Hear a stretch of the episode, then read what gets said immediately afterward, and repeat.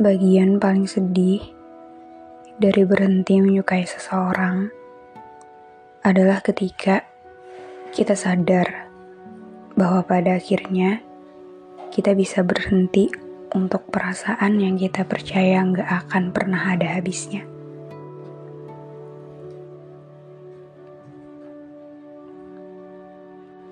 Ketika kita sadar bahwa kita sudah tidak memperhatikan hal-hal kecil yang dia suka.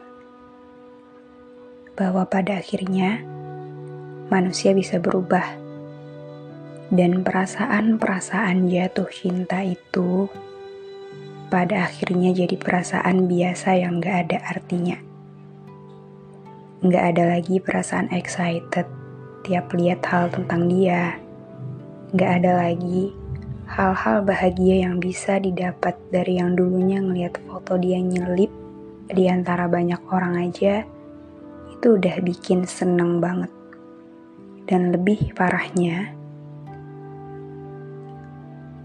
aku udah nggak bisa untuk sejatuh cinta itu. Aku udah nggak bisa naruh perasaan yang sama ke orang lain sebesar aku sayang sama dia.